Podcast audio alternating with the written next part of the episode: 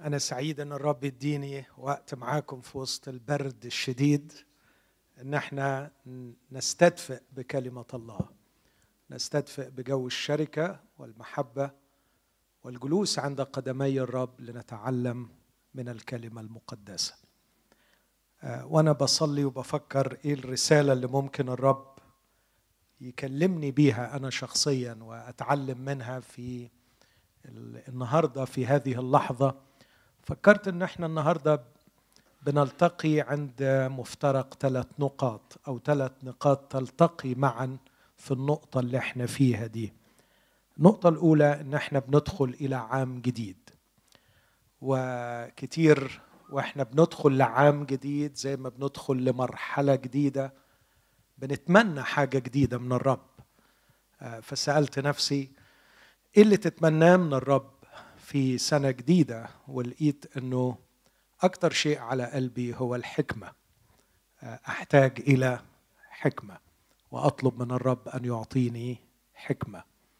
وشعرت إنه ربما يكون ده احتياج الكثيرين وأمنية الكثيرين أن تتميز هذه السنة الجديدة التي يضيفها الرب لأعمارنا تتميز بالحكمة. آمين؟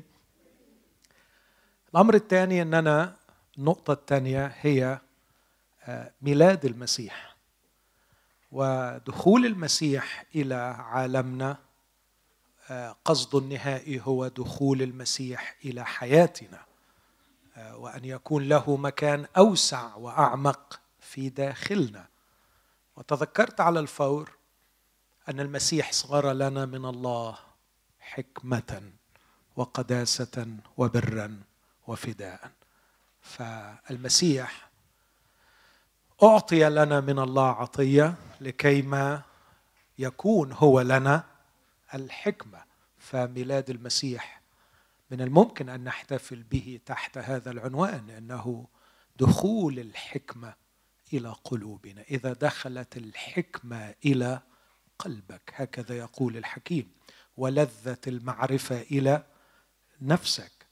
الحكمة ودخولها إلى القلب. أعتقد إنها مرتبطة بدخول المسيح إلى القلب. والحقيقة أنا عندي شك في وجود المسيح في حياة أي شخص إذا غابت عنه الحكمة. لأنه المسيح آه، أعتقد إنه تكلم عن نفسه كثيرا وتكلم عنه الكتاب باعتباره الحكمة. لما تقول الحكمة في أمثال ثمانية من يجدني يجد الحياة وينال رضا من عند الرب. آه، فمن تكون الحكمة هنا سوى شخص يسوع المسيح. فالحقيقة بيبقى عندي شك في وجود المسيح في الحياة عندما تغيب الحكمة عن الحياة. ومن الجانب الآخر أصلي أن امتلاكي لشخص المسيح يكون معناه هو امتلاك لمزيد من الحكمة وليس امتلاك مزيد من المعرفة أو الخدمة أو مجموعة من الآيات الكتابية أو العقائد الصحيحة. لكن إني أكون شخص حكيم. والنقطة الثالثة أعتقد إنه إحنا بندخل هذا العام آه، نلمح ملامح الضيقات من حولنا. وسألت نفسي سؤال ما علاقة الضيق بالحكمة؟ وعلى الفور جاءت هذه الإجابة إلى ذهني. هل يا ترى معظم الضيقات التي يعاني منها الناس هي بسبب الظروف الخارجية أم بسبب تصرفات غير حكيمة؟ وأعتقد إن الإجابة كانت بالنسبة لي سهلة عن هذا السؤال إنه من عشرتي مع المتألمين على مر عشرات السنين لم يتألم الناس من ضغوط خارجية قدر ما تألموا من قرارات غبية. لم يأخذها لهم الآخرون بل أخذوها هم بأنفسهم. فأعتقد أيضا أن أعظم وسيلة لتجنب الضيقات الغبية هو أن نسلك بالحكمة. فمن يسلك بالحكمة يحمي نفسه. وأعتقد أن الاحتياج للحكمة يصبح أكثر إلحاحا عندما يكون هناك ضيق فحيث تكثر الضيقات يزداد الاحتياج إلى الحكمة. وده المنهج اللي الرسول يعقوب طرحه في يعقوب واحد لما قال إن في تجارب لكن احسبوه كل فرح يا إخوتي حينما تقعون في تجارب متنوعة لكن عند وقوع التجارب. أكثر شيء تحتاجون إليه هو الحكمة. عشان كده بعديها يقول وإن كان أحدكم تعوزه حكمة فليطلب من الله الذي يعطي الجميع بسخاء ولا يعير. اذا أعتقد اتعرف أنا هتكلم عن إيه. أنا محتاج أتكلم أو في الحقيقة محتاج أتعلم معاكم عن الحكمة. بعدين قلت طيب موضوع واسع وكبير. لكن جه لذهني فكرة أشارككم بها الليلة وأتأمل فيها معكم. آه، في مشوارك في السنة الجديدة وانت بتشق يوم ورا يوم ورا يوم في هذه الحياة آه، أعتقد إنك هتتواجه مع سبع قضايا. مش ممكن هيعدي عليك يوم من غير ما تتخبط في واحدة أو أكتر منهم. واكتشفت إن في لقائنا مع هذه القضايا كثيرا ما نتصرف بحماقة وليس بحكمة. فاخترت من هذه القضايا سبعة. ليه سبعة؟ ما حدش يسألني ما أعرفش. يمكن لأني تعودت على إنهم يكونوا سبعة. وبرضه لو قلت خمسة أكيد هتسألني وتقول لي وليه خمسة. فخلاص ما تسألش يعني لأن مش هعرف أجاوب. فهم سبعة فاخترت السبع حماقات وسميتهم سبعة حماقات مهلكة وهذا هو عنوان العظه فكانت كل دي مقدمة للعنوان. إحنا لسه يا دوب دلوقتي بنقول العنوان. فأنا اللي هتكلم عنه هو سبعة حماقات مهلكة. إذا لم نتنبه إليها أعتقد أنها قادرة على أن تهلكنا. آه، وهنا يأتي السؤال أيضا ما المقصود بالهلاك؟ لا أقصد الذهاب إلى الجحيم. لأن الكتاب المقدس ولا سيما في العهد الجديد لا يستعمل لفظ الهلاك عن الجحيم لكن يستعمله ليصف به أشخاص يضيعون حياتهم في الباطل. أشخاص يعيشون بحماقة فيهلكون أنفسهم يهلكون أنفسهم. لأنهم يضيعوا الوقت. لا يحسنوا استعمال الوقت. لا يتخذوا قرارات حكيمة. لا يتصرفوا تصرفات صحيحة. يسميهم الكتاب هالكين. أدي مثل لتأكيد هذه الفكرة. أعتقد من أجمل المرات اللي الرب يسوع اتكلم فيها عن الهلاك كانت في إنجيل لوقا أصحاح 19 لما دخل الرب يسوع بيت زكا وزكى بمقاييس سكان أريحة شخص ناجح. شخص ناجح. شخص لديه أموال كثيرة وشخص لديه وظيفة مرموقة من المجتمع الروماني بغض النظر عن رفض اليهود له. لكن المسيح عندما دخل إلى هذا البيت يقول اليوم حصل خلاص لهذا. البيت ده كان ضايع والشخص ده كان ضايع. وبعدين يقول لأن ابن الإنسان جاء ليطلب ويخلص مش من سيهلك. لا إن زكا كان يعيش الهلاك لأنه كان يستثمر عمره في الباطل. كان أحمقا عندما انحرف عن مشيئة الله وعاش يضيع عمره في أشياء باطلة. وأخشى يا إخوتي الأحباء أن يكون كثيرين منا يهلكون أنفسهم وهم لا يدرون. يهلكون أنفسهم بسبب الحكمة الجسدية الباطلة. إن كلمة الصليب عند الهالكين مش اللي هيهلكوا مش اللي هيروحوا الجحيم. لكن عند الأشخاص الذين لا يقبلون رسالة الله لهم الأشخاص الذين لا يميزون مشيئة الله من جهتهم. الأشخاص الذين لا يفتدون الوقت ويستعملون العمر بطريقة صحيحة. هؤلاء هم الهالكين. عشان كده سأشير إلى سبعة حمقات أرى أنها مهلكة لأنها ببساطة هتضيع منك 2017 زي ما ضاعت سنين كثيره وأنا ما أعتقدش إن العمر فيه سنين كثيره فلا تكن احمقا وتضيع سنة جديدة يضيفها الرب لعمرك. 365 يوم. اوريدي راح منهم تسعة. لكن الباقيين هيضيعوا إذا لم نتصرف بالحكمة.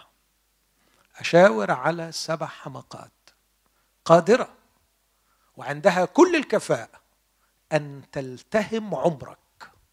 تلتهم عمرك كما تلتهم النيران الحطب. حماقات مهلكة احذر منها ولا سيما أقول للشباب. وأنا دايما بستغرب أقول هم الشباب ليه قاعدين فوق؟ ليه ما ينورونيش هنا تحت كده وأشوف وشهم وأفرح بيهم وهم يفرحوا بينا؟ إن شاء الله المرات الجاية. أمين؟ حدش بيقول أمين من اللي فوق. شكر أمين. آه، تشرفوا فوق تحت. أهلا بيكم. طيب أعتقد كده كفاية قوي مقدمة للعنوان. هنقف ونسمع جزء من كلمة ربنا ممكن؟ وبعدين نشوف هنستعمل الوقت اللي جاي إزاي. حابب أقرأ من سفر الأمثال وهو سفر الحكمة أو الذي يساعدنا على تعلم الحكمة. هقرأ من أصحاح واحد ثم من أصحاح ثمانية. في أمثال واحد عدد عشرين. أمثال واحد عشرين. الحكمة تنادي في الخارج. في الشوارع تعطي صوتها.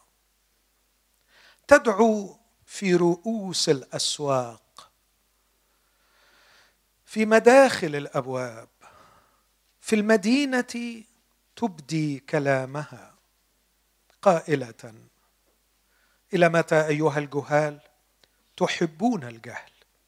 والمستهزئون يصرون بالاستهزاء والحمقى يبغضون العلم. ارجعوا عند توبيخي. ها أنا ذا أفيض لكم روحي أعلمكم كلماتي. ثم عدد تسعة وعشرين من نفس الأصحاح لأنهم أبغضوا العلم ولم يختاروا مخافة الرب. لم يرضوا مشورتي. الحكمة اللي بتتكلم. رذلوا كل توبيخي. فلذلك يأكلون من ثمر طريقهم ويشبعون من مؤامراتهم. يا ريت نحفظ عدد 32 و 33 لأن ارتداد الحمقى يقتلهم وراحة الجهال تبيدهم. أما المستمع لي فيسكن آمنا ويستريح من خوف الشر. نقرأ العددين دول مع بعض مرة تاني. لأن ارتداد الحمقى يقتلهم وراحة الجهال تبيدهم. أما المستمع لي فيسكن آمنا ويستريح من خوف الشر. أيضا أصحاح ثمانية من نفس السفر وهو أصحاح عظيم عن الحكمة. أقرأ ابتداء من عدد أربعة. لكم أيها الناس أنادي وصوتي إلى بني آدم.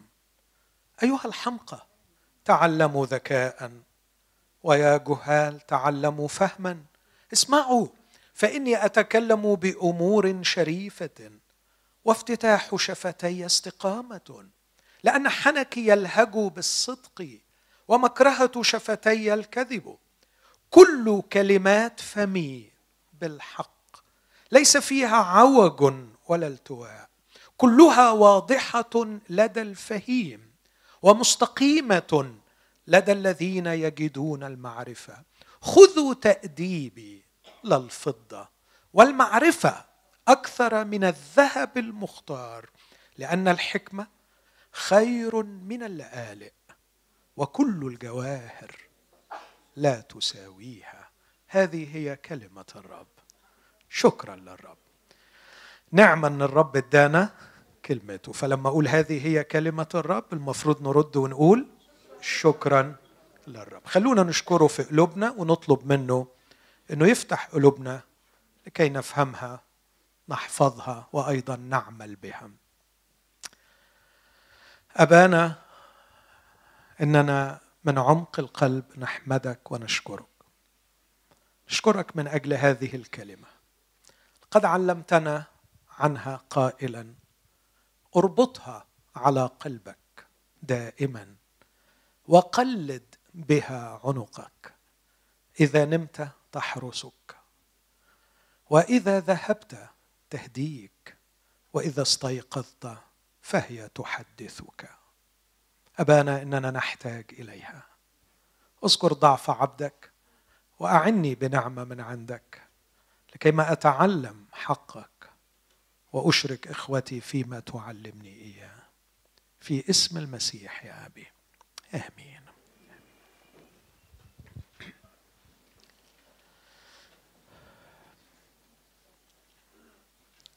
السبع قضايا بسرعة شديدة. عايز أقول حماقة واحدة هختار حماقة واحدة من جهة هذه القضايا السبعة. كل قضية منهم عندنا حماقات كثيره من جهتها ومحتاجين نتخلص منها لكن أنا هختار حماقة واحدة من جهة كل قضية من القضايا السبعة. القضية الأولى هي قضية محبة الله لنا. وهناك حماقة من جهة هذه القضية الكبرى محبة الله لنا أضعها تحت هذا العنوان من يحبه الرب يريحه أنا بتكلم عن الحماقة. الحماقة هي هكذا من يحبه الرب يريحه هذه حماقة. الأمر الثاني هو المال. وأكيد في 2017 شئت أم أبيت هتتخبط مع الموضوع ده. سواء عندك فلوس كتير أو ما عندكش خالص أو عندك نص نص ما تقنعنيش إنك ما بتفكرش في موضوع الفلوس. أنت بتفكر في الفلوس. وهتتخبط في موضوع الفلوس. وهتاخد قرارات بخصوص الفلوس. وأتمنى إن قراراتك من جهة الفلوس تكون قرارات حكيمة. أنا أختار حماقة واحدة من جهة المال. أضعها تحت هذا العنوان. المال مصدر القيمة والشعور بالأمان. المال مصدر القيمة والشعور بالأمان. أو حد يقول أمين؟ أنا بتكلم عن الحماقة. أصل حسيت إنكم بتهزوا رأسكم يعني متعزين لما بقول المال مصدر القيمة والشعور بالأمان. فحسيت إن في ناس يعني اتعزت بالفكرة فأنا بس لا أنا بقول دي حماقة مهلكة. الأمر الثالث الزواج. وأنا أعتقد سواء حضرتك متجوز أو مش متجوز في 2017 أكيد هتجيلك فكرة الجواز. أكيد هتتص في الموضوع ده. أكيد هتخبط فيها. أكيد هتحتار من جهتها. متجوز؟ راضي عن جوازك مش راضي عن جوازك مش متجوز اتجوز ولا ما اتجوزش مش متجوز اتجوز مين؟ وهكذا. فمستحيل هيعدي عليك 2017 من غير ما تفكر في الجواز. فالحماقة من جهة الجواز الجواز من جهته حماقات كثيرة لكن أختار حماقة واحدة. الزواج يعطي المعنى للحياة. محدش اتعز الحمد لله المرة دي. الزواج يعطي المعنى للحياة. هذه حماقة مهلكة. القضية الرابعة الجنس. وأنا عارف إن إحنا بنتحرج في الكلام عن الجنس في اجتماعاتنا مع إنه الحقيقة أنا شايف إن أنسب مكان نتكلم فيه عن الجنس هو الاجتماعات لكي نتعلم فكر الله. هل الكتاب المقدس تكلم عن الجنس؟ لا يوجد كتاب تكلم عن الجنس بحكمة ودقة وروعة عظيمة مثل ما تكلم الكتاب المقدس. لكن للأسف بسبب هذا الغباء الثقافي حرمنا أنفسنا وحرمنا شعب الرب من تعليم صحيح عن الجنس بسبب التحرج الذي لا معنى ولا قيمة له.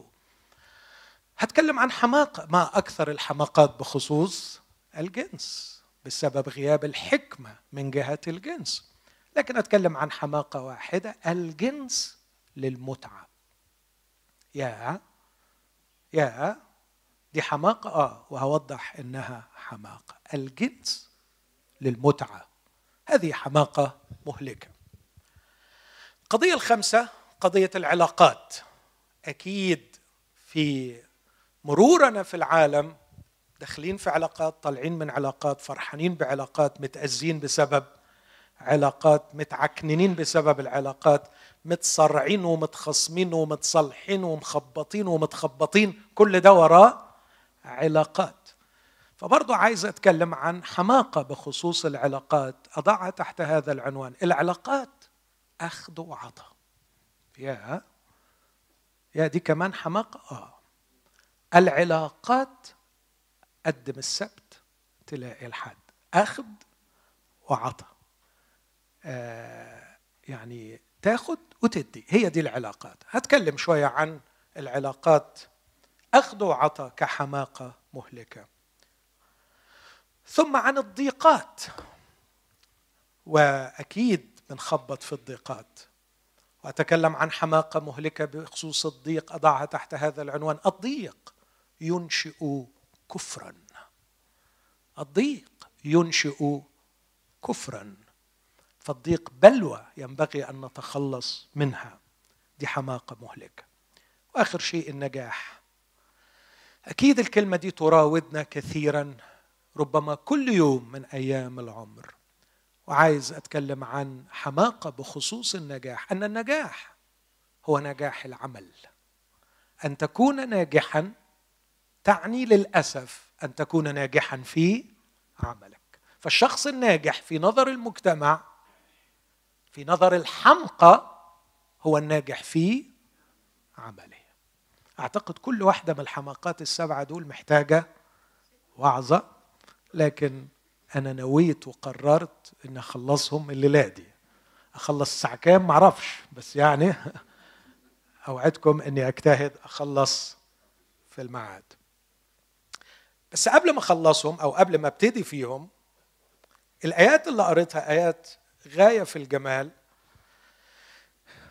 أحب أعلق عليهم كلهم لكن مش هقدر لكن هعلق على آية واحدة اللي طلبت إن إحنا نحفظ. الحكمة الجميلة دي اللي هي شخص الرب يسوع اللي بينادي في الأبواب في رؤوس الأسواق في الشوارع عمال ينادي بيقول يا جماعة اسمعوا.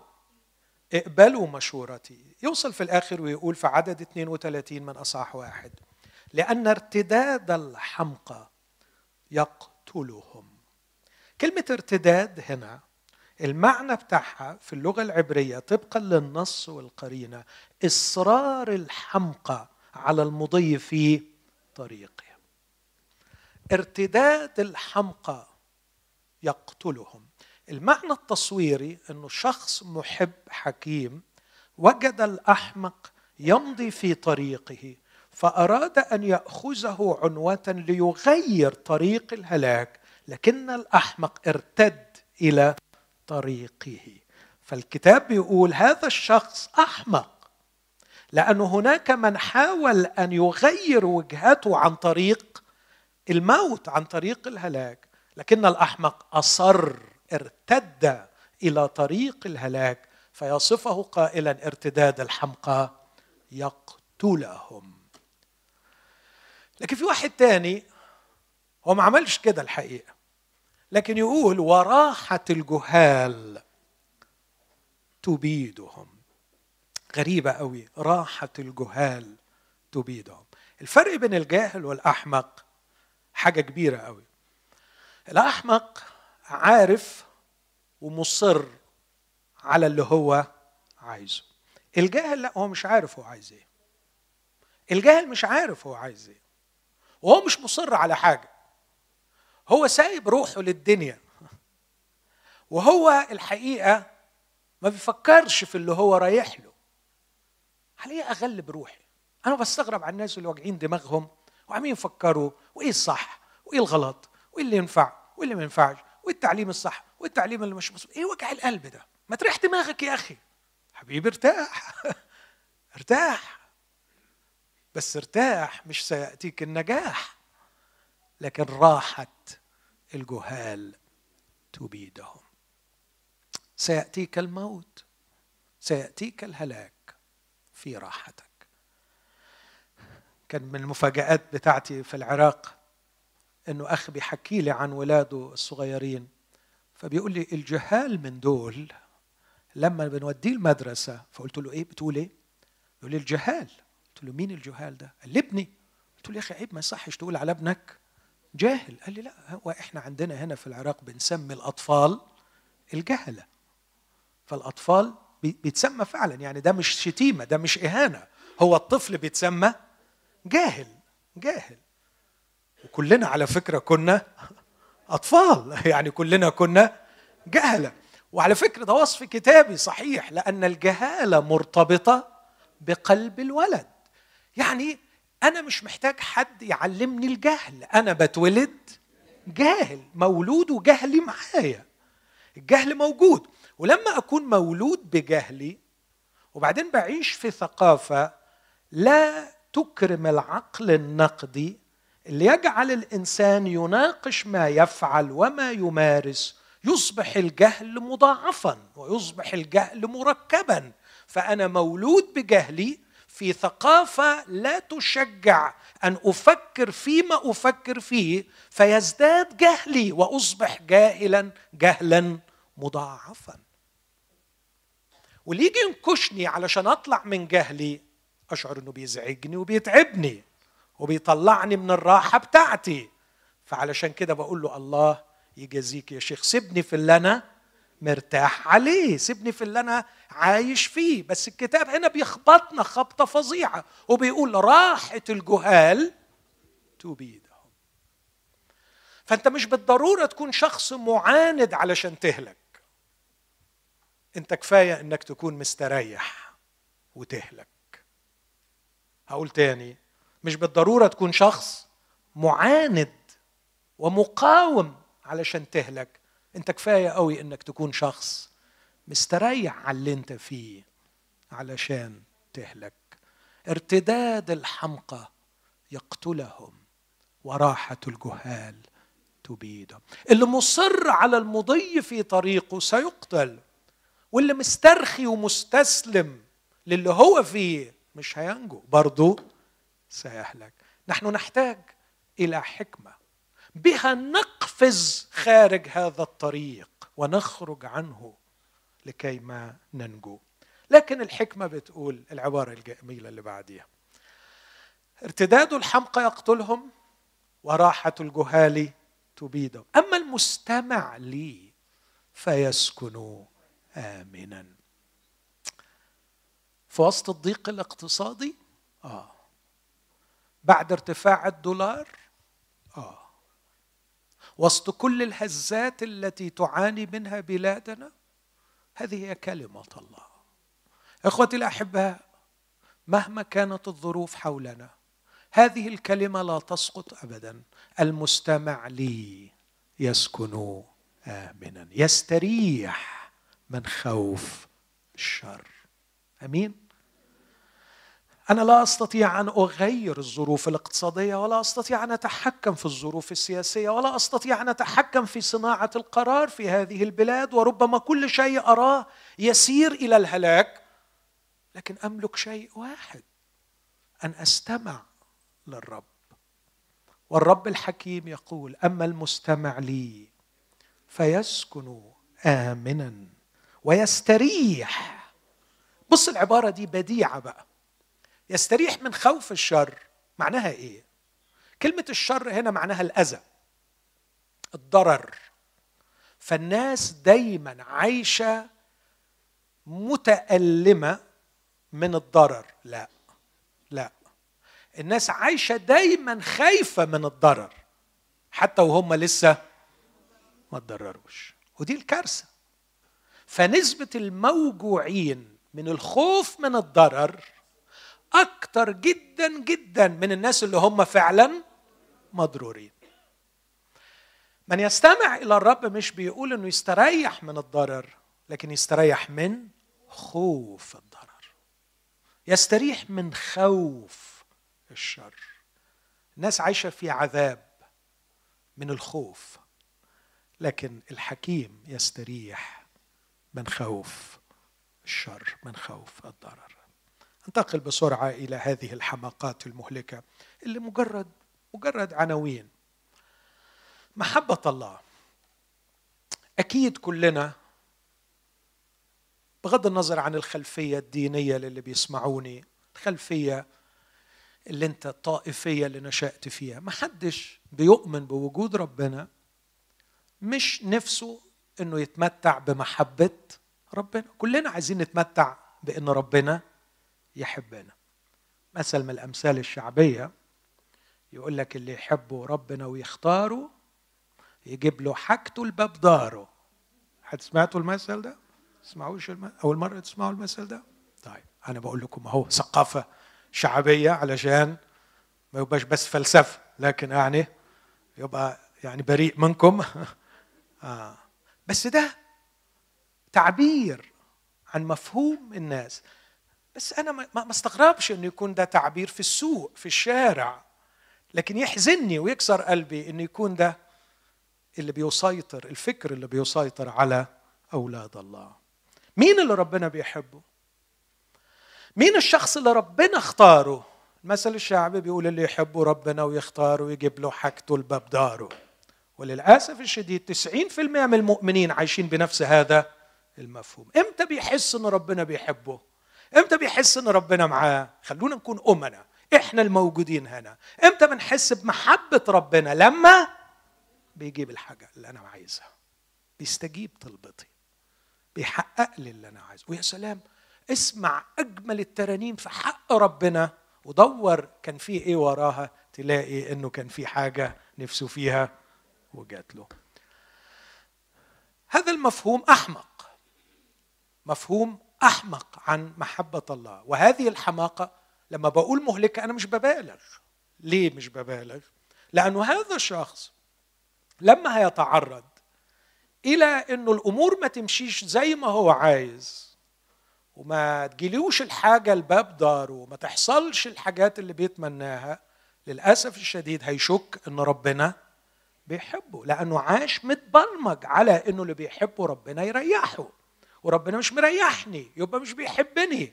وممكن بقى يكون لسانه طويل ويقول كلام غلط في حق ربنا أو يشك في ربنا و إلى آخره. وتقوده هذه الحماقة إلى إلى الهلاك. طب نرد نقول إيه؟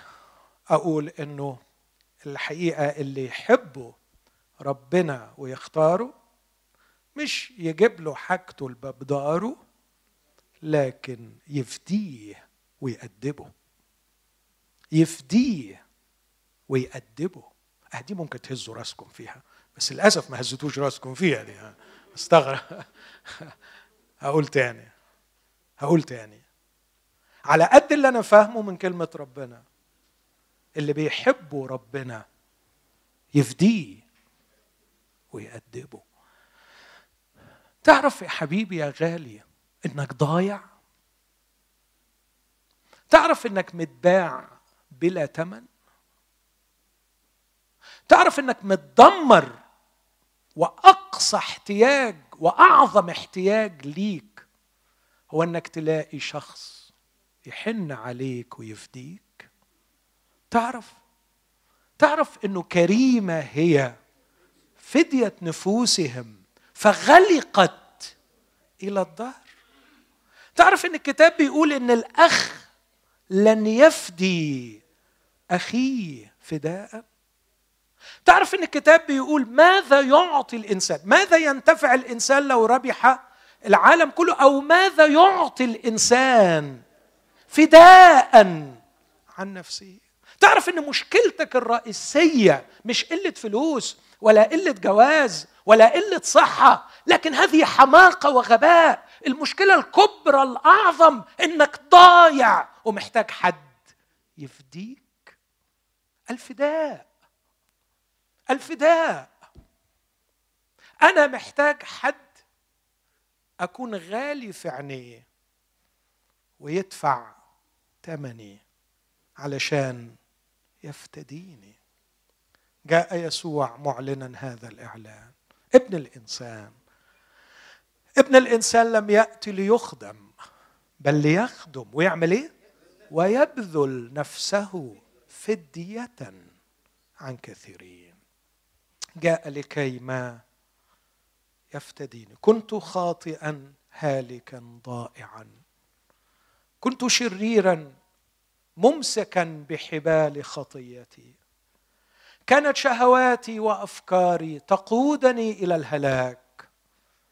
ولم أجد في نفسي قدرة على أن أخلص نفسي. ولم أجد عندي حكمة لأغير طريقي. ولم أجد أحدا من الناس يخلصني. حتى اعترض طريقي شخص محب اسمه يسوع. جاء يبذل نفسه فدية عن كثيرين. أحبني. وأعلن لي أنه هو الراعي الصالح الذي جاء ليبذل نفسه عن الخراف. أمسك بي. طرحت عليه مشكلتي. يا رب إن مشكلتي ليست مع نقص مال أو صحة أو نقص نجاح أو نقص احتياجات. مشكلتي أعمق.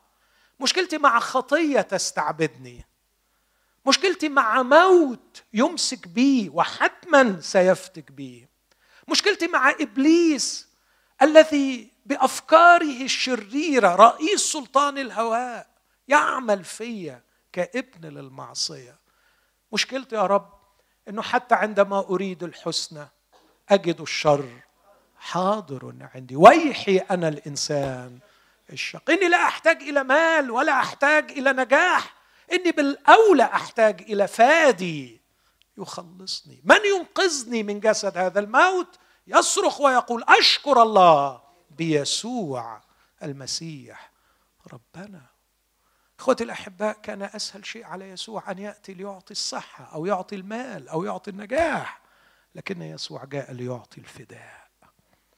جاء يبذل نفسه فدية. من يحبه الرب؟ يفديه. بص معايا الآيات الجميلة دي. في رسالة يوحنا الرسول الأولى أصحاح أربعة. هقرأ آيتين من يوحنا الأولى أربعة. الحقيقة من الآيات اللي بعتبرها من أغلى وأروع الآيات اللي أحب إن أنا أحفظها وأعيش في جوها يوحنا الأولى أربعة عدد تسعة. اسمع. بهذا أظهرت محبة الله فينا يعني بيننا among us أن الله قد أرسل ابنه الوحيد إلى العالم لكي نحيا به. في هذا هي المحبة. ليس أننا نحن أحببنا الله بل أنه هو أحبنا وأرسل ابنه كفارة لخطايانا. أيتين يتكتب فيهم كتاب. النقطة الأولى تقول العدد تسعة. أن مشكلة البشر هي الموت. عشان كده في منهج فكري في المسيحية يتكلم عن صليب المسيح تحت عنوان نظرية كريستوس فيكتور المسيح الذي دخل إلى الموت وانتصر عليه. لكن في نظرية ثانية بتقول عن صليب المسيح penal substitution الكفارة البدلية. المسيح مات من أجلنا كفارة لخطايانا والاثنين يمشوا مع بعض. عدد تسعة بيقول أنا كنت بعاني من الموت عدد عشرة بيقول أنا مش بس كنت بعاني من الموت. لكن أنا كان علي حمل الخطايا ومحتاج حد يعمل إيه؟ يدفعه عني. هو حمل خطية كثيرين وشفع في المذنبين. عبد البار بمعرفته يبرر كثيرين وأثامهم هو يحملها. من يحبه الرب يحييه. من يحبه الرب يفديه. من يحبه الرب يقدم كفاره عن خطاياه رمي خمسة العبارة الشهيرة. الله بين محبته لنا. إذ ونحن بعد فقراء أرسل الله لنا المال ليغنينا. إذ ونحن بعد مرضى أرسل الله الصحة ليشفينا. إذ ونحن بعد فاشلين أرسل الله النجاح لينجحنا. كلا هذه حماقات مهلكة. الله بين محبته لنا. إذ ونحن بعد خطاة. مات المسيح. من أجلنا. نا حماقات الطفولة. هذا الطفل الأحمق الذي يرى أباه قاسيا قاسيا. لأنه ما جابلوش اللعبة اللي نفسه فيها. ويكون الأب بيسهر الليل كله. عليه وهو مريض. ويكون الأب بينفق نفسه ويحترق كالشمعة ليدبر لهذا الولد احتياجاته وأكله وملبسه ومشربه ومدرسته. لكن الولد يرى أباه قاسيا جدا لأن أبوه ما جابلوش اللعبة اللي هو نفسه في أحمق. وهكذا نحن نتصرف بنفس الحماقة المهلكة عندما نرى ابن الله معلقا على الصليب لأجلنا ليبين محبة الله لنا ويفدينا من مأساتنا التي كنا ضائعين فيها. وبعدين أقول ربنا مش بيحبني عشان ما جابليش حاجاتي لغاية باب داري. حماقة مهلكة. لكن بعد ما بيفديني أنا قلت اللي يحبه ربنا يعمل إيه؟ يفديه ويأدبه. طب أنهي الأول؟ يفديه ولا يأدبه؟ يفديه الأول لأنه بعد ما بيفديه بيبقى ابنه ولما يبقى ابنه لازم يأدبه. ودي آية ثانية قالها لنا الكتاب في رسالة العبرانيين أصحاح 12 وفي سفر الأمثال أصحاح ثلاثة من يحبه الرب يؤدبه ويجلد كل ابن يقبله. أو كأب بابنه يصر به. يا اللي بيحبوا ربنا يأدبه. آه. آه. يوه ما تزعلوش مني لما هقول الكلمة اللي جاية دي. أتاري كان عندنا مشكلتين. إحنا ضايعين ومش مؤدبين. ما تزعلوش. إحنا ضايعين؟ بلاش أنتوا أنتوا زي الفل. أنا كنت ضايع ومش مؤدب. لكن ربنا في محبته فداني. فاسترجعني من الضياع وخلاني ابنه. وبعد ما بقيت ابنه لازم يأدبني. أبوس إيديك وأبوس رجليك. قلبي ممتن ليك ومتشكر لأنك بتأدبني. بتأدبني. يا يا لو كنت اتحرمت من تأديبه ليا. يا ما كنتش أطاء ما كنتش أطاء ولا حد يتحملني. أشكرك أشكرك لأنك ما خدتنيش على مزاجي وسبتني على هوايا. إن الصبي المطلق لهواه يكون لخزي أمه. لكن أنت ما قبلتش تسيبني الهوايا أنت أدبتني. أنا متشكر على كل قرصة وكل ألم. وكل علقة. أنا متشكر على اللي وجعت قوي واللي وجعت نص نص. أنا متشكر على الحرمان اللي قعد شهر واللي ليه 30 سنة. أنا متشكر. متشكر لأنك حكيم وبتحبني. ومش هين عليك. ما تأدبنيش. أنت عايز تأدبني علشان تنجحني علشان تخليني ابني يشرف ابن أبوه يفتخر بيه وهو يبقى فرحان بنفسه وشاعر إنه ليه قيمة وليه معنى. يا إخوتي احتملوني لما أقول إذا ما كناش هنقبل تأديب الرب إحنا ما نطقش. ما حدش هيتحملنا. شكلكم مش مقتنعين. الله يطول عمركم صدقوني في الكلمة اللي بقولها لكم. أنا عارف دمكم خفيف وجمال وحلوين ولطاف. بس معلش خدها مني كده؟ خدها مني وفكر فيها. بدون تأديب ربنا ليك أنت ما تطقش. زعلش مني ما تطقش. صدقني أنت صعب قوي أنت مش واخد بالك بس. أنت مش خفيف إلا على روحك. وأحيانا أنت مش طايق روحك. صدقني يعني كتير حتى الناس بقابلهم مش طايق هو مش مش حامل روحه مش حامل روحه. طب يا أخي ده أنت مش حامل روحك. قول لي إزاي الناس هتتحملك. ربنا عايز عايزك تتحمل روحك. وعايز غيرك يتحملك. لا ده عايزك أنت كمان تتحمل الآخرين وتشيل. بس ده ما يجيش إلا من خلال عملية تأديب. اللي يحبوا ربنا ويختار ويجيب له حاجته لباب داره لا حماقة مهلكة. اللي يحبوا ربنا يفديه ويأدبه. أمين؟ طيب المال بقى. نقول كلمتين صغيرين على المال. الفلوس مهمة. وصراع الفلوس كبير قوي. خلينا أقول كلمتين صغيرين في الأول. أقول لك عايز أقول لك إنه أوعى تفتكر إنه كتر الفلوس علامة رضا ربنا. من فضلك. على فكرة أغنى الأغنياء في العالم ملحدين ملحدين. أغنى الأغنياء في العالم ملحدين. أو ملهمش في ربنا على الأقل ملهمش في ربنا. فشيل من دماغك الحماقة المهلكة دي إنه اللي يحب ربنا يعمل إيه؟ يكتر فلوسه. كتر الفلوس ما هواش علامة اطلاقا على محبة ربنا. أمين؟ من الناحيه الثانية على فكرة ربنا بيعرف يجيب فلوس. حط في ذهنك الحكاية دي ربنا بيعرف يجيب ويجيب لك فلوس ما تعرفش إزاي. تقول حلو أهو ده الكلام ده الكويس. أيوه كده يا أخي. ده الكلام الحلو. لعل يعني تفكر إن ربنا ملهوش في سكة الفلوس دي. ما يفهمش فيها يا حرام. لا على فكرة ما في غني اغتنى إلا تحت سلطانه. أوعى تفكر إن ربنا ملهوش في لا ربنا ليه في الفلوس قوي؟ وربنا يفهم في الفلوس كويس. وربنا يعرف يدي. قالت عنه حنة من زمان يفقر ويغني. بس أوعى تفكر إنه لما بيغني معناها إنه هو بيحب. أوعى تفهم كده. دي برضه حماقة مهلك أوعى تفكر كده. أوعى تفكر إنه لما بيفقر معناها مش بيحب. أوعى أوعى تفهم كده. خالص خالص. افهم صح. علشان ما تضيعش نفسك. لكن أنا الحماقة اللي بنفسي أركز عليها أن المال هو مصدر القيمة والأمان. هذه حماقة مهلكة.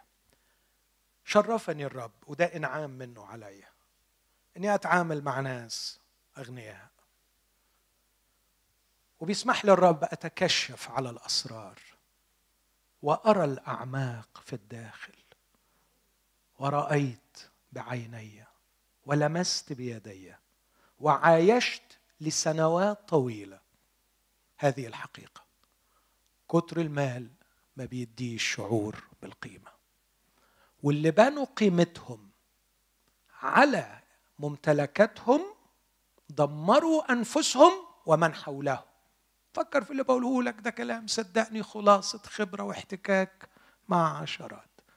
اللي بنوا قيمتهم على ممتلكاتهم دمروا أنفسهم ودمروا من حوله. وبعدين الحماقة بتقول إنه كمان المال مصدر الشعور بالأمان. غباء كذب ما حصلش ما حصلش ما حصلش. بالعكس مرات كتيرة المال بيكون مصدر الضياع الشعور بالأمان. في مخاوف كتير جدا بدءا من الحسد. بدءا من الصراع مع الناس بدءا من ضياع المال. مخاوف. بلاش كده. مرات بيبقى رعب المرض. رعب المرض. ما هو مش معقول ربنا هيديني كل حاجة. فاداني الفلوس يبقى أكيد هياخد مني. الصح. شفت الجنان ده؟ شفته كتير. شفت كل أنواع الجنان المرتبطة بالأموال. وبالتالي وصلت إلى هذا. انها حماقة مهلكة. أن تتصور أن كتر المال يعطي القيمة أو الشعور بالأمان. لكن القيمة والشعور بالأمان يأتيان من الاحتماء في صخر الدهور. أقول للرب ملجئي وحصني إلهي فأتكل عليه لا أخشى لو تزحزحت الأرض لو انقلبت الجبال في قلب البحار. أنا وضعت ثقتي فيه وبنيت حياتي على من لا يتزعزع. الكل يتغير هو لا يتغير. المال يطير. يقول عنه يصنع أجنحة ويطير. يقول عنه كده. يطير. المال بيطير. مصدقني؟ مصدقني؟ أعرف شخص هسيب البلد والدنيا وال... لكن كنت أسير معه في شوارع هذه المدينة. يبحث عن قصر يسكن فيه. الكلام ده في سنة 85 كان يريد شراء قصر ب 25 مليون دولار. تخيل بقى 25 مليون دولار في سنة 85 أعتقد أن الدولار أيامها كان بجنيه جنيه وشوية. يعني أنت بتتكلم اضرب في 20 يعني 500 مليون جنيه بسعر النهارده. هذا الشخص يحتاج للقوت الضروري اليوم. بنحاول نقف جنبه. هذا هو المال. حماقة مهلكة. أن تتصور أن المال باقي. الكتاب المقدس علم كثيرا عن ضياع المال. بص كده في سفر الأمثال اللي قرينا منه. يقول الكتاب هذه الكلمات في أمثال أصحاح 11 أمثال أصحاح 11 عدد أربعة. شوف كلمة الله وفكر فيها. لا ينفع الغنى في يوم السخط. أما البر فينجي من الموت. عدد 28 من يتكل على غناه يسقط. أما الصديقون فيزهون كالورق أو كالورد زي ما الورد بيتفتح.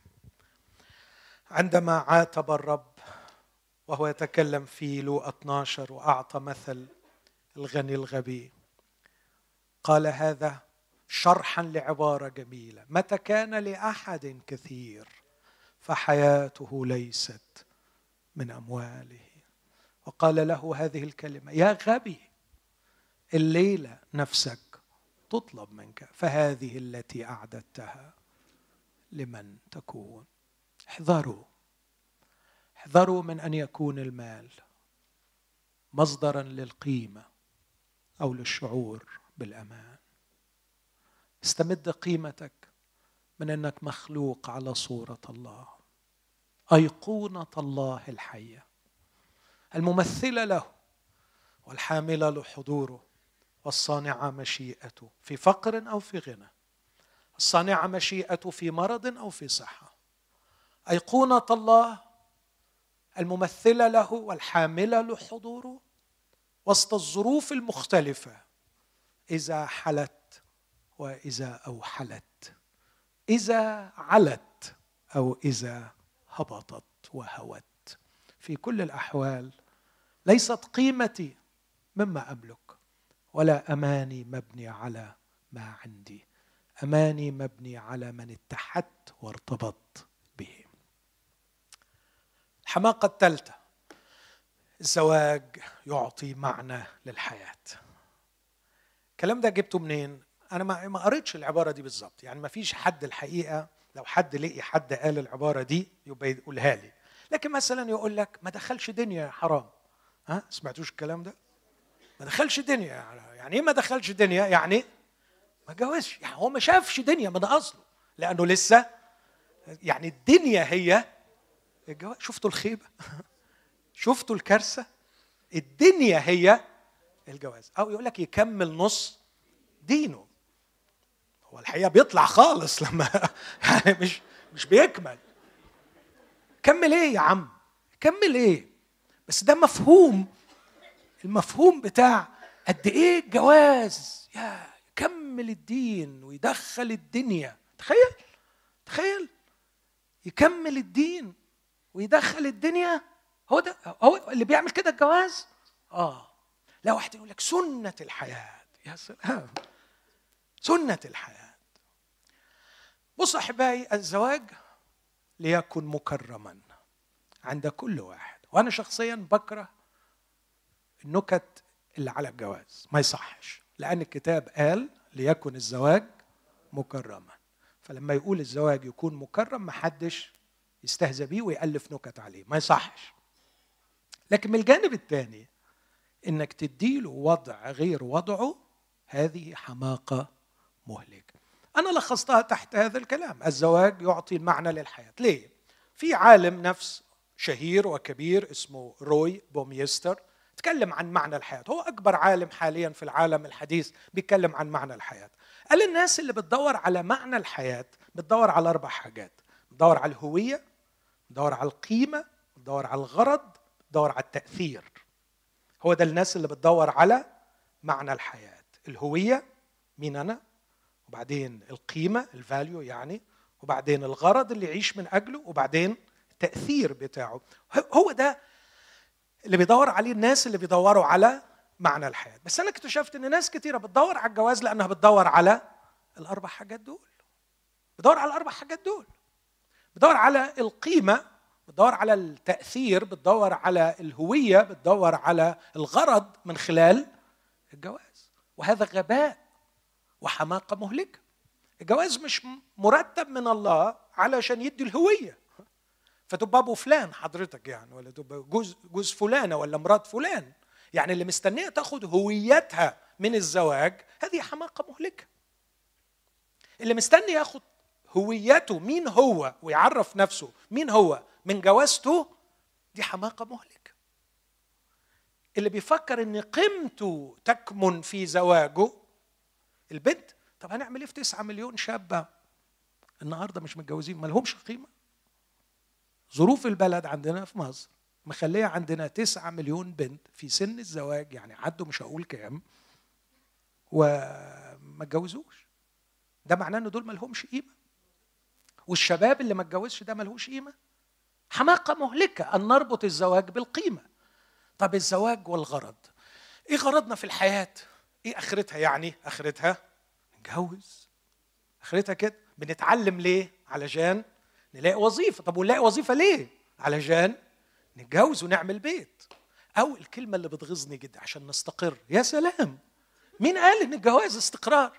جبتها منين الكلمة دي؟ ده أنت مش هتبدأ تعرف معنى عدم الاستقرار إلا لما تتجوز. لأن هيبقى عليك ضغوط ومسؤوليات وصراعات.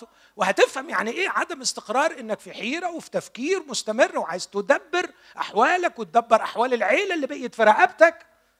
حماقه مهلكة إنك تفكر إنه الرسالة هي الجواز. رسالتي في الحياة أتجوز وأجيب عيال. حماقة مهلكة. أو التأثير. إيه التأثير؟ خلف ما شاء الله. هو ده التأثير يعني. يعني أخرته تأثيره في الحياة جاب لنا عيلين ثلاثة يا سلام هو ده التأثير اللي تركه أبو فلان. وأديكم شايفين الدول اللي عايشة بالمفهوم ده وصلتنا لفين. كل تأثيرهم في الحياة الحقيقة خلفة خلفة خلفة. عدي في شارع صلاح سالم وشوف العداد اللي عمال هذا هو التأثير المصري العملاق في هذه الحضارة وفي هذه الحياة. عمالين يجيبوا عيال. أمال إيه معنى الحياة؟ ما معنى الحياة نجيب عيال. إخوتي الأحباء أرجو إن إحنا نفهم ماذا يقول الكتاب عن الزواج. الزواج من وجهة نظر الكتاب يحصر في سطر واحد ما يطلعش عنه. الزواج أعد من الله من أجل الإرسالية وليس هو الإرسالية. إيه الإرسالية؟ ال mission إيه ال mission رسالتنا في الحياة. قال له يا ابني عايزك تعملها وتحفظها. عايزك تحمل صورتي وتحقق مشيئتي. بس غالبا مش هتقدر تعملها لوحدك. أصنع له معينا نظيره لما يقول أعمل له معين يبقى واضح جدا إنه كان اوريدي في حاجة محتاج يتعان عليها. إيه الحاجة اللي محتاج يتعان عليها؟ رسالته في هذه الحياة. فالزواج من أجل الرسالة وليس هو الرسالة. وعشان كده الرسول بولس بعبقرية قال إذا كانت الرسالة تتعارض مع الزواج نبطل الرسالة ولا نبطل الجواز؟ لا بطل الجواز. الزواج من أجل الرسالة وليست الرسالة هي الزواج. فعندما رأى بولس أنه من الممكن أن تتعارض دعوة الله لشخص قال لكل واحد دعوته. يعني إيه لكل واحد دعوته؟ في واحد الله دعاه إنه يتمم رسالة معينة الرسالة دي محتاجة جواز. واحد تاني الرسالة بتاعته ما ينفعش معاها جواز. نضحي بإيه؟ نضحي بجواز. ما ينفعش يتجوز. لما كانت رسالة المؤمنين في وقت معين تتعارض مع الزواج قال بقلته من يزوج يفعل حسنا. ماشي لكن من لا يزوج يفعل أحسن. وأنا أريد أن يكون الجميع بلا هم مثلي لأنه كان في الوقت ده الزواج يتعارض مع الرسالة. مش هيقدروا المسيحيين يتمموا رسالتهم. وكانت رسالتهم في ذلك الوقت تستلزم الاستشهاد. فكانوا يعتمدون من أجل الأموات. يعني يعتمدون من أجل الأموات؟ يعني المسيحيين طابور طويل عمال يتقص من أوله ففي أشخاص بيتعمدوا عشان يحلوا محل الأموات. فكان الواحد بيتعمد وهو عارف إنه لما هيتعمد هياخد دوره في طابور الاستشهاد. وكان بيروح يتعمد. ينفع معاه الجواز الكلام ده؟ لا ما كانش ينفع معاه الجواز الجواز هنا كان ممكن يعطل عن الرسالة. فعشان كده وقف الجواز قال مالوش لازمة ساعتها.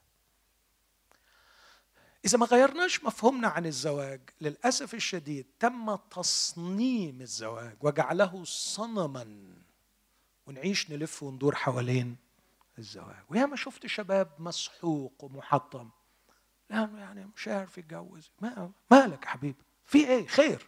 ها مش قادر أتجوز. يا حرام مأساة المآسي. مش قادر أتجوز. اصبر يا حبيبي. وشوف الرسالة. طب بس الواحد يعني هيعيش مبسوط إزاي؟ يبقى أنت فاهم غلط. فاهم إن الزواج هو اللي هيخليك مبسوط وتستقر و و وعلى فكرة دي أوهام. الزواج معونة من الله لإتمام الإرسالية في الحياة. وعلى فكرة بقى اللي هيفكر صح بالطريقة دي هيمشي صح هيختار صح. لأنه ساعتها هيفكر في الرسالة أولا وبعدين لما يجي يختار يختار الشخص اللي يساعده على إتمام هذه الرسالة فما يقعش فيمشي صح. آخر شيء أقوله وأكتفي أختم به. الجنس. الجنس للمتعة. لا. لا ما فيش حاجة في كتاب تقول الجنس للمتعة. طبقا لل... وأنا مش عايز أخوض في تفاصيل كثيرة لكن الجنس من أجل الوحدة في الزواج. الجنس من أجل الزواج. وعشان كده لا جنس قبل الزواج لا جنس خارج الزواج لا جنس للإمتاع الذاتي. لكن الجنس من أجل الزواج من أجل الوحدة في داخل الزواج. يمكن أضطر اسفا أني أتكلم بتفصيل في مرة قادمة عن هذا الموضوع. الحماقة الخامسة. حماقة من جهة العلاقات. العلاقات أخذ وعطاء وده مفهوم بغيض ومهلك لأنه بيحول الناس إلى وسائل بدلا من أن يكونوا غايات. وهذا هدم لأول مبدأ أخلاقي وضعه إيمانويل كانت. صعبة العبارة دي أنا عارف لكن عايز أقولها ببساطة شديدة. راجل عظيم اسمه إيمانويل كانت فيلسوف كبير أسس تأسيس عظيم في علم الأخلاق الأول مبدأ في علم الأخلاق. ما تعاملش البني آدم اللي قدامك على إنه وسيلة لكن عامله على إنه غاية في حد ذاته. احترمه. يعني قالها واحد بلغة أجمل. قال الله أعطانا الأشياء لنستعملها والناس لنخدمهم. فصرنا نخدم الأشياء ونستعمل الناس. دي قلة أخلاق. قلة أخلاق إنك تستعمل الناس. فكر معايا في اللي بقوله. لما تفكر إن العلاقات أخذ وعطا فأنت بتديله علشان عشان يديلك. بقى وسيلة ولا غاية؟ وسيلة. بقيت بتستعمله. بتستعمله مصدر للعطاء. بس أنت عرفت إن العربية دي مش هتتحرك إلا بالبنزين فبتحط لها مش بتحطها حبا فيها يعني. ما بتروحش كده تفتح تقول يا حبيبتي يا سيارتي إني أشفق عليك وأعرف احتياجك إلى البنزين. فأعطيك فول تانك بنزين. أنا ما بتعملش كده. أنت بتمونها بنزين علشان تمشي بيك. فأنت بتدي حب عشان تاخد. أنت بتعطي عشان تاخد. دي حقارة وحماقة وعيب. عيب قوي إنك تكون بتحقن الناس حب علشان تاخد لا. العلاقات في المفهوم المسيحي ليست أخذ وعطاء لكنها بنيان متبادل. اسمع العبارة دي في رومية 15 لا نرضي أنفسنا. لا نرضي أنفسنا. شوف الجمال. Don't please yourself. يعني ما تمتعش نفسك على حس. غيرك. اوعى ترضي نفسك على حساب غيرك. اوعى. دي قلة أخلاق. لا ترضي نفسك. طب وما أعمل إيه؟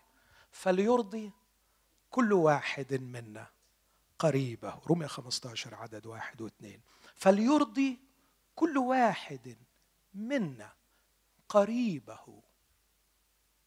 مش هكمل بس أشرح دي. يعني إيه ترضي كل واحد قريبه؟ يعني تسر أخاك يعني أصبح أخي غاية ولا وسيلة هنا؟ غاية. أنا عايز أسعده. أنا عايز أرضيه. أنا مش برضي نفسي على قفاه أنا عايز أسعد أخي.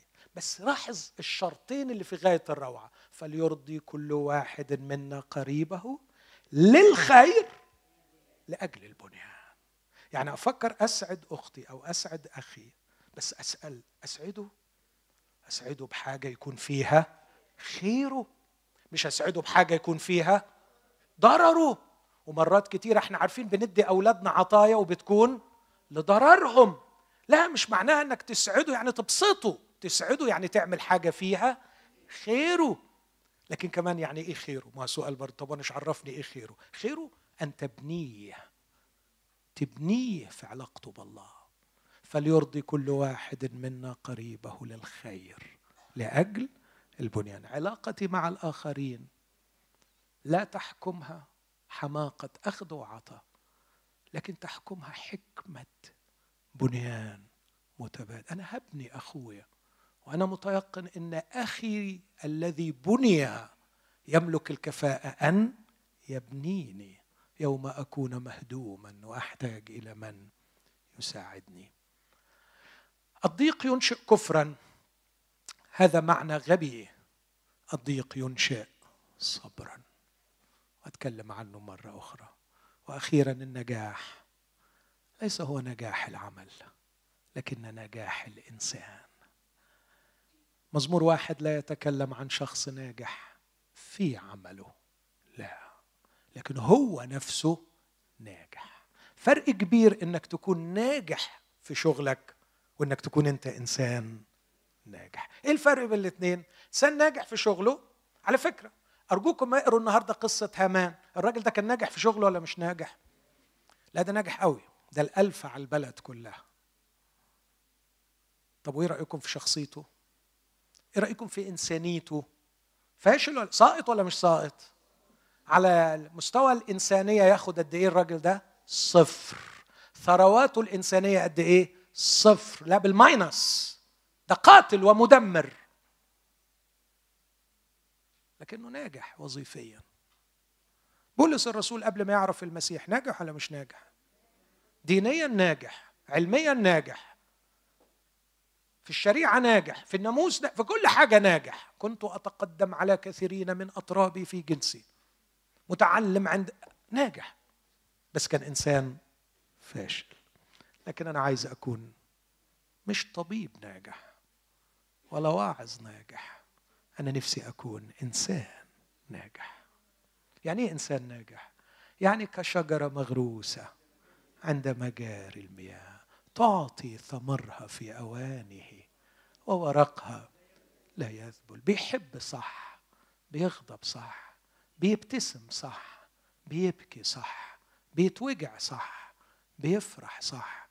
والناس بتاكل من خيره لأنه كشجرة مغروسة عند مجاري المياه. أتمنى أن الرب يدينا فوق كده ونبدأ السنة الجديدة برفض لهذه الحماقات السبعه المهلكة. مش عارف بقى إذا كان ربنا على ما يجي الشهر الثاني يكون لسه عايزني احكي في المواضيع دي ولا عايز موضوع تاني لتكن مشيئته لكن على الأقل أنا يعني وضحت إيه اللي أقصده من وراء كل واحدة. أكيد سامح عايز ترنم معانا حاجة يعني مش معقول هتسيبنا فاتفضل معانا سامح ورنم. خلونا نقف مع بعض ونرنم مع أخونا سامح.